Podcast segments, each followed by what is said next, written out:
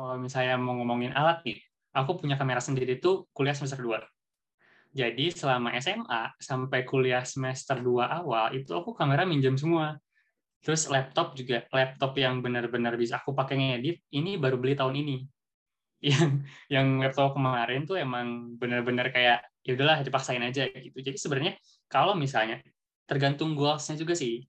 Kalau misalnya kalian untuk goal, apa tujuannya untuk belajar, untuk ekspor banyak hal, sebenarnya alat-alat tuh eh, nggak terlalu maksudnya nggak terlalu berpengaruh gitu. Kecuali kalau misalnya kalian emang udah udah belajar kalian udah mahir terus kalian pengen jadi seorang profesional ya alat pasti ngaruh gitu. Tapi kalau misalnya tujuan kita untuk belajar untuk explore fotografi untuk ekspor videografi ya mulai dengan alat yang ada dulu aja gitu. Karena nanti juga bakal berkembang sesuai dengan prosesnya. Jadi misalnya ketika kita setahun udah belajar fotografi nih nah itu bakal baru kerasa kayak oh ini harus upgrade nih upgrade alat uh, bukan cuman buat biar hasil fotonya bagus tapi buat nge apa ya buat nge-upgrade dan nge-ekspor hal-hal yang nggak bisa kita lakuin dengan alat sebelumnya gitu. Jadi kalau misalnya emang mau mulai nih apalagi yang bisa nih yang baru masuk e-com tuh pasti nanya eh butuh kamera nggak ya? Eh butuh laptop editing nggak ya? Iya nggak sih?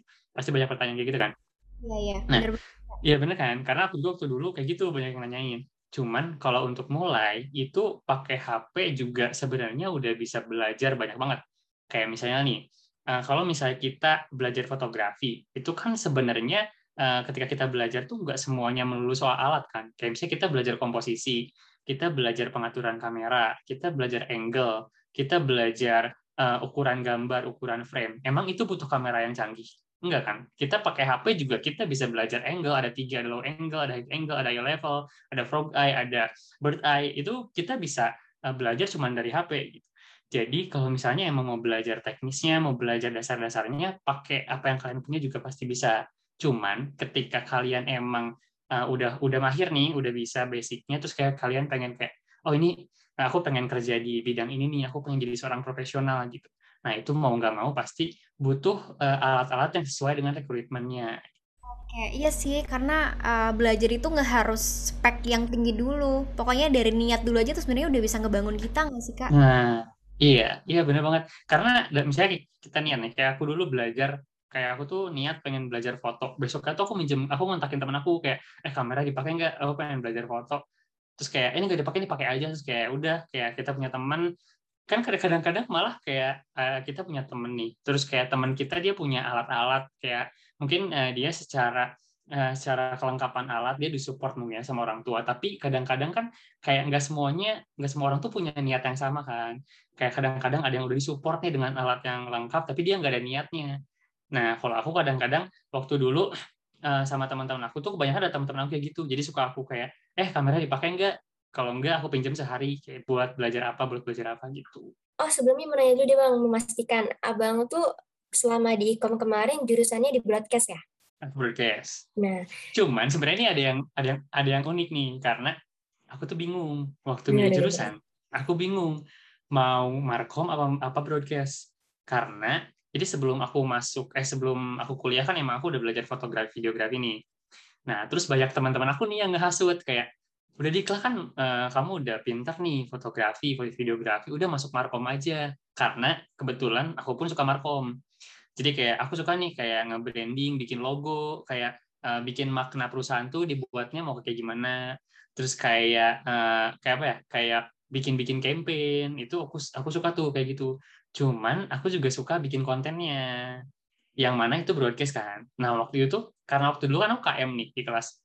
Biasanya yang ngumpulin list-list list-list prodi itu ke KM kan. Nah, sampai hari terakhir itu aku belum ngisi.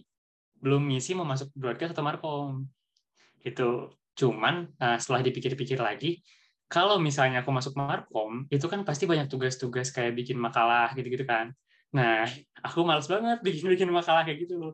Kayak lebih lebih suka praktek gitu. Kayak yang gak terlalu suka mikir depan laptop gitu-gitu kayak lebih suka main ke mana terus kayak belajar foto video lebih kayak gitu. Terus akhirnya uh, waktu itu itu pas mau ngumpulin banget tuh aku ngisi masuk broadcast tuh di depan ruang kaprodi sebelum mau dikasihin banget. Jadi kayak udah masuk broadcast itu karena akhirnya markomnya aku belajar di luar gitu. Jadi kayak aku di kampus belajar broadcast biar maksudnya kayak biar aku ngerjain tugas tuh nggak terbebani gitu. Kayak nah ya udahlah gitu sesuai dengan kesukaan aku nah aku belajar marketingnya di luar oh iya, iya. jadi ini sebenarnya menjawab pertanyaan Ale walaupun belum aku belum aku tanyain sih abang Ale itu tadi nanya abang tuh belajar belajar marketing tuh dari mana gitu apakah dari jurusan broadcastnya juga diajarin secara hmm. dalam hmm. atau abang dari luar dan ternyata abang belajar dari dari luar ya bang ya terus kadang-kadang juga karena emang aku suka marketing kan jadi kayak kalau misalnya uh, aku kadang-kadang kalau lagi waktu luang kayak suka searching-searching tentang materi markom gitu. Karena nih aku juga kan bikin komunitas kan, kayak aku bikin komunitas kayak ya samalah kayak kayak kalian gini, cuman kalau aku sharingnya fotografi videografi. Kan pasti ketika kalian bikin platform kayak gini, kalian harus mikirin brandingnya kayak gimana, gimana kan?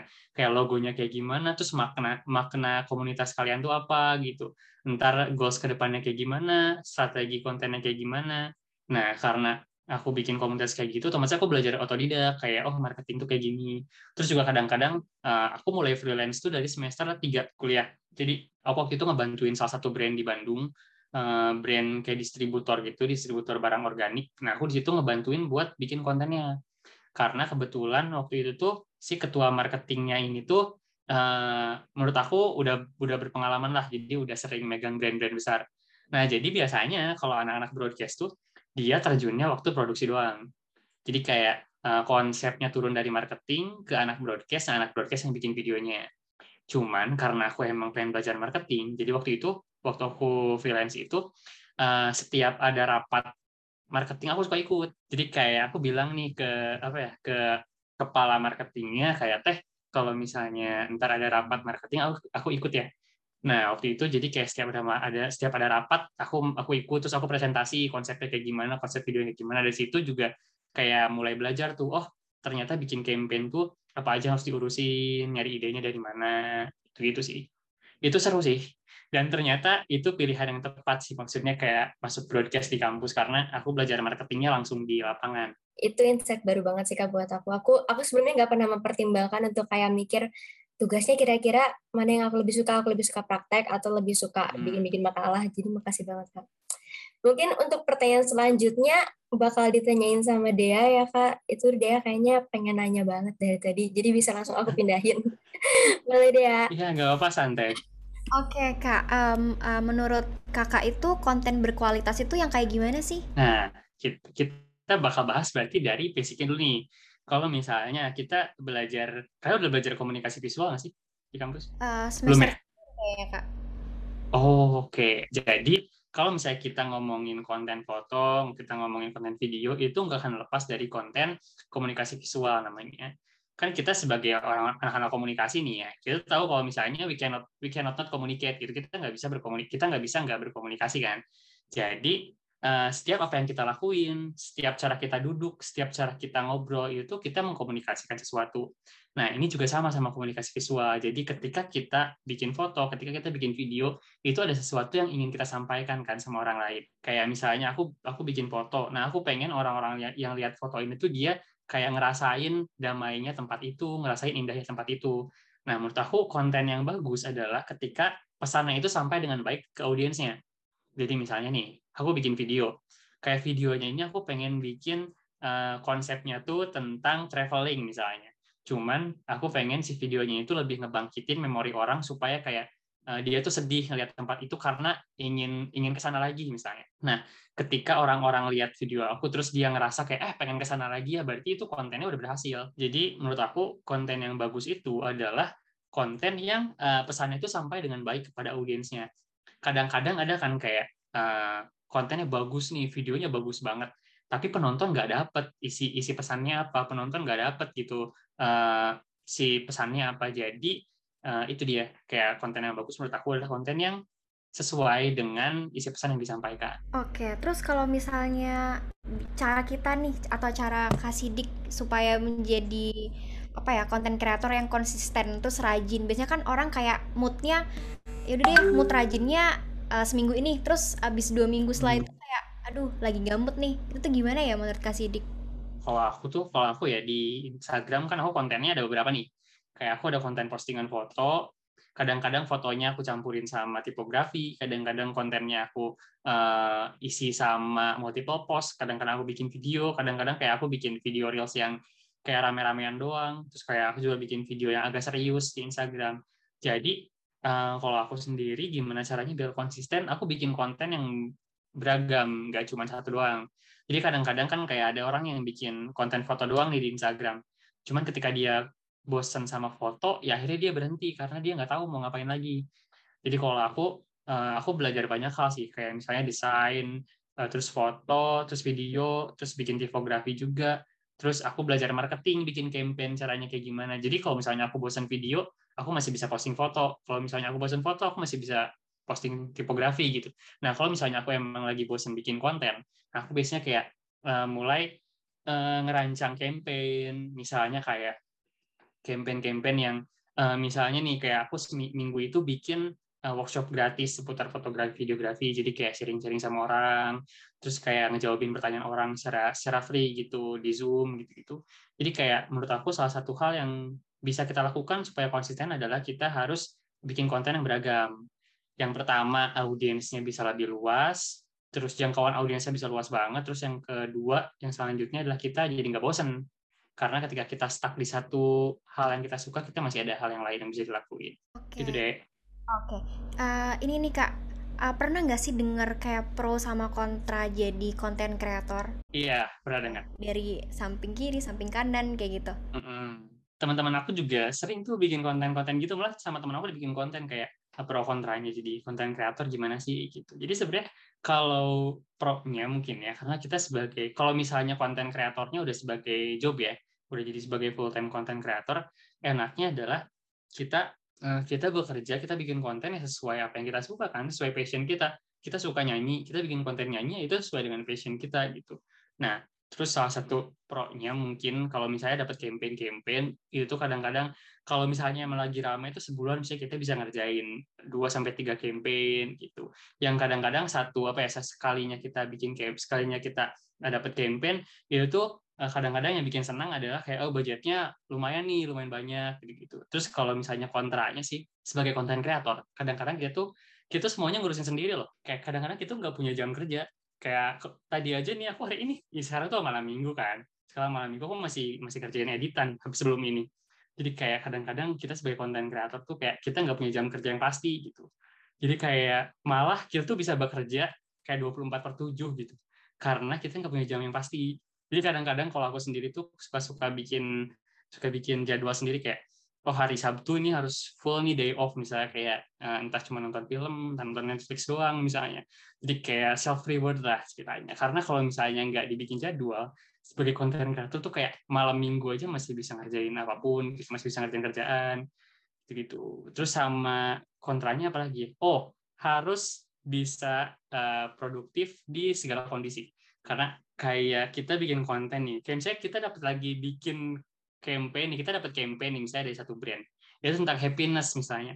Nah tapi ketika kita bikin campaignnya kita lagi sedih nih kayak kita dapat problem apa kalau kita dapat masalah apa di, hidup kita gitu. Nah kita kan harus profesional kan kayak jadi kita harus kita harus tetap bisa produktif di segala kondisi. Sama mungkin yang terakhir yang enggak yang enggak sering dilihat orang gitu. Kayak orang-orang kayak cuman bisa lihat instastorynya doang lihat uh, postingan fotonya doang lihat postingan video doang. Tapi kadang-kadang kayak misalnya nih aku kemarin di Turki aku kemarin di Turki itu selama tiga minggu itu yang ngurusin foto yang ngurusin video yang pilot drone terus juga yang bikin konten instastory selama tiga minggu itu aku sendiri. Jadi kayak di perjalanan nih lagi naik bus terus kayak kita harus sambil ngedit. Terus kayak misalnya ada momen terus kayak kita sekalian ngambil. Terus kayak misalnya orang-orang lagi istirahat nih malam kita bikin kita ngedit buat instastory terus kayak misalnya uh, pagi-pagi nih orang-orang masih pada tidur. Aku udah bangun jam 4 buat ngambil sunrise. Terus kayak misalnya orang-orang uh, malamnya udah pada tidur aku masih nge-backup data masih ngopiin file. Kan sekalinya syuting terus sekalinya syuting. Sehari itu kemarin aku di Turki itu selama tiga minggu filenya tuh ada sekitar 400 giga. Jadi seharinya tuh seharinya tuh bisa sampai 40-50 giga. Kalau misalnya emang itu lagi padat kayak jadwal syutingnya padat. Jadi bayangin kan kayak kita nyampe hotel jam 11 malam nih terus kayak orang-orang udah bisa istirahat kita masih harus buka masih kita harus buka tas kita copyin file dulu tuh yang 50 giga. Itu kan agak lama tuh lumayan. Terus sebelum kita harus ngecas-cas baterai buat besok. Jadi kemarin tuh aku ngecas baterai HP ngecas baterai kamera 4 ngecas baterai drone 3 jadi kayak setiap nyampe kamar hotel tuh langsung kayak itu berantakan semua karena harus ngecas gitu gitu nge-backup data. Terus pagi-paginya kayak tadi harus ngambil sunrise gitu. jadi kayak sebenarnya itu seru sih cuman kalau misalnya emang kayak keseringan itu kadang-kadang jenuh juga. Oh ya salah satu kontranya berarti itu. Karena kita bekerja sesuai dengan apa yang kita suka. Jadi kadang-kadang ketika kita jenuh sama yang kita suka kita mau kita mau ke mana lagi gitu. Kadang-kadang bingung. Ya misalnya ya nggak sih? Kayak ah, aku suka video nih. Aku suka video suka foto suka hunting. Tapi ketika emang lagi jenuh banget sama itu kadang-kadang juga jadi bingung. Kayak eh, ini harus ngapain lagi ya? Gitu. Gitu sih. Tapi overall seru sih iya mau denger dikit dong bang kayak pengalaman yang gak pernah bisa uh, abang lupa ini selama jadi content hmm. creator terus kayak uh, mungkin suka dukanya waktu udah jadi broadcasting atau udah mau masuk ke content creator tuh apa sih bang?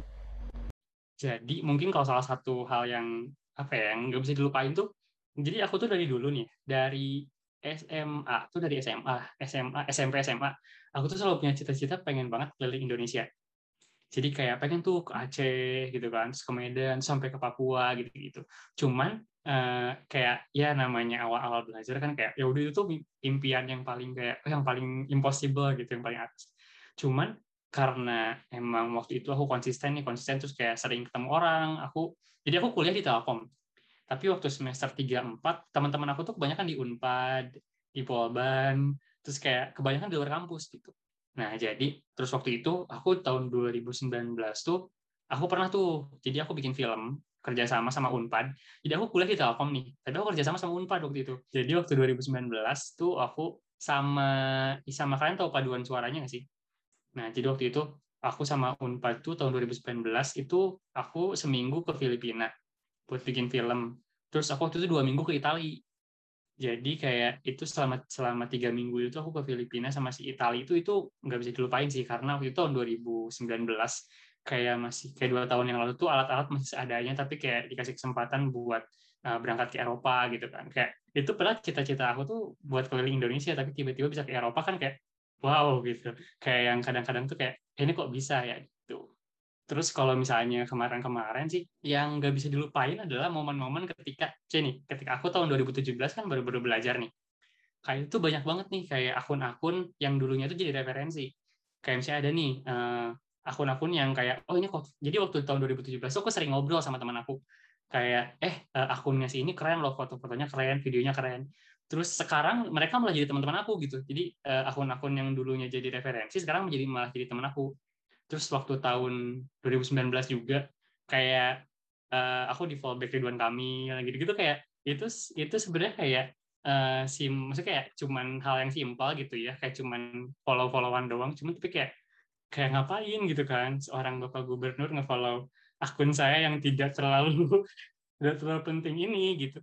Cuman ya itu sih beberapa hal dari bikin konten yang sampai sekarang nggak bisa dilupain Oke nih Kak, uh, saran dan masukan nih buat teman-teman yang mau masuk uh, media atau broadcasting.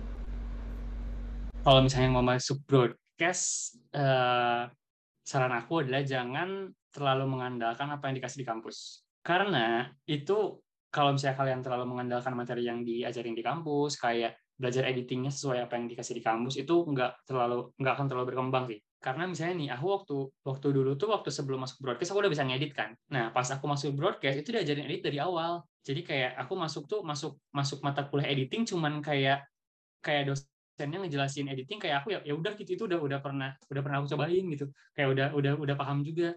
Jadi kalau misalnya emang mau fokus di broadcast mendingan saran aku kayak lebih banyak saya referensi di YouTube di eh, Instagram kalau nggak di TikTok di mana pun itu yang seenggaknya bisa kayak ngebantu kalian supaya lebih berkembang gitu.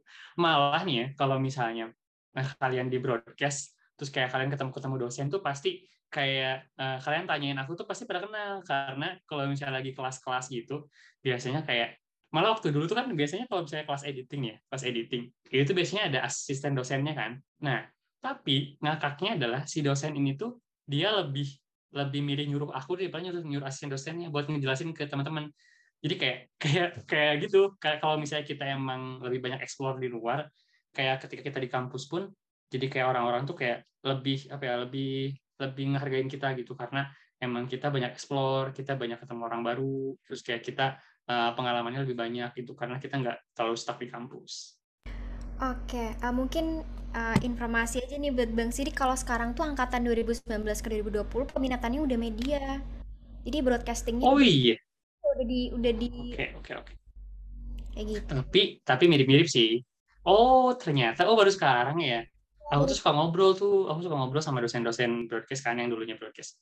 Terus kayak nanti dik katanya uh, jurusan broadcast tuh bakal hilang, katanya bakal diganti gitu. Terus Markom di Markom juga diganti ya? Markom diganti nggak sih? Uh, Markom tetap Markom sih. Oh, tetap Markom. Oh, Markom masih tetap ya. Oke, oke. Cuman broadcastnya diganti jadi media. Oke, mungkin Oke. pertanyaan terakhir nih buat Bang Sidik, kenapa milih nama username backpacker kurus? Apa? Nah, itu pasti banyak, itu sering banget ditanya sih. Jadi, kayak kalian tahu backpacker tampan gak sih? Tahu tahu tahu tahu. Itu yang dari yang dia keliling dunia itu kan ya, Bang? Enggak, belum keliling dunia sih. Jadi, ya, namanya itu Pandu.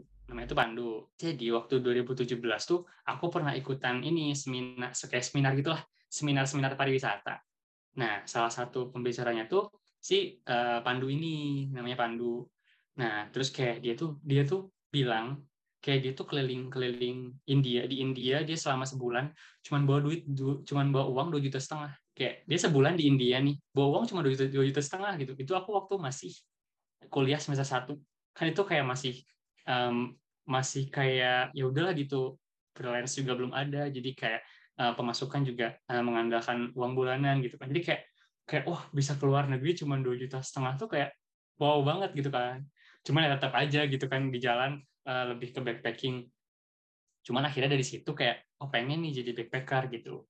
Jadi akhirnya dari situ nah dari situ mulai ngeh juga nih kayak kenapa ya orang-orang tuh nama username-nya aneh-aneh gitu. Jadi waktu dulu nih ya, aku tuh username masih biasa kayak ya Muhammad Sidik biasa lah cuman waktu udah kenal komunitas di Instagram itu nama-nama aku di Instagram aneh-aneh kayak ada backpacker tampan terus ada temen aku namanya tertawa lepas terus ada juga yang namanya kayak kayak nama-nama aneh gitu lah. Kayak aku aku bingung kan kayak eh kok orang-orang namanya aneh gitu. Kenapa apakah mereka nggak bangga sama namanya atau gimana? Aku kayak gitu kan. Terus kayak pas dipikir-pikir pas udah kenal si personal branding dan marketing kayak oh ini tuh biar supaya orang lain lebih kenal gitu. Kayak mungkin kalau misalnya aku pakai nama username Muhammad Sidik, kayak ada berapa banyak Muhammad Sidik di Indonesia kan? Ada berapa juta, ada berapa juta Muhammad Sidik di Indonesia gitu. Jadi kayak ketika orang lain lihat akun aku mungkin nggak terlalu kenal. Nah makanya kayak oh ini kayaknya harus diganti sama nama yang lebih unik gitu. Kan kalau misalnya kayak di Instagram tuh dia namanya nggak bisa double kan. Kayak kalau misalnya ada backpacker kurus dia nggak bisa pakai username itu lagi kan. Jadi aku tuh mikir kayak uh, oh aku pengen jadi backpacker nih ya udah pakai depan pakai nama depan backpacker tuh. Terus kayak mikir kayak apa ya? Terus karena aku kurus jadi kayak ya udahlah pakai nama itu gitu.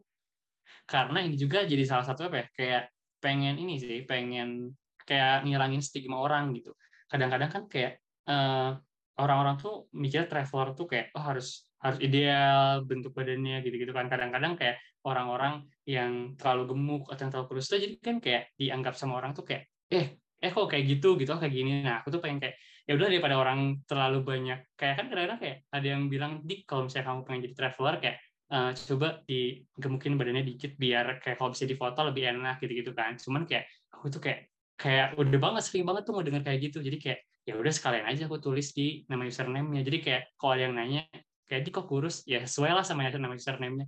Kayak gitu. Oh gitu esensinya. Kadang-kadang tuh harus bisa menarik orang tuh pakai nama-nama yang unik juga ya bang ya Iya yeah. Oke, mungkin itu udah pertanyaan terakhir dari dia ya Bang tadi. Oh, itu pertanyaan terakhir. Iya. Oh. Sebelumnya di sini kita mau bilang makasih banget. Thank you so much for your time. Thank you so much karena udah bersedia hadir Sama-sama. di podcast kita hari ini. Kita benar-benar belajar banyak banget Bang tentang konten kreator, suka dukanya. Terus kita juga dapat insight baru, tahu apa aja yang harus kita prepare untuk menjadi seorang konten kreator. Terus kita juga tahu kalau kita harus explore banyak di luar kampus biar kita bisa jadi orang yang lebih punya open minded lagi ya, Kak. Terus semoga hari ini kita bisa belajar banyak dari Bang Sidik dan Kicauan Muda. Amin. Iya, semoga hari ini kita bisa belajar banyak dari Bang Sidik, Kicauan Muda, berisik tapi berisi.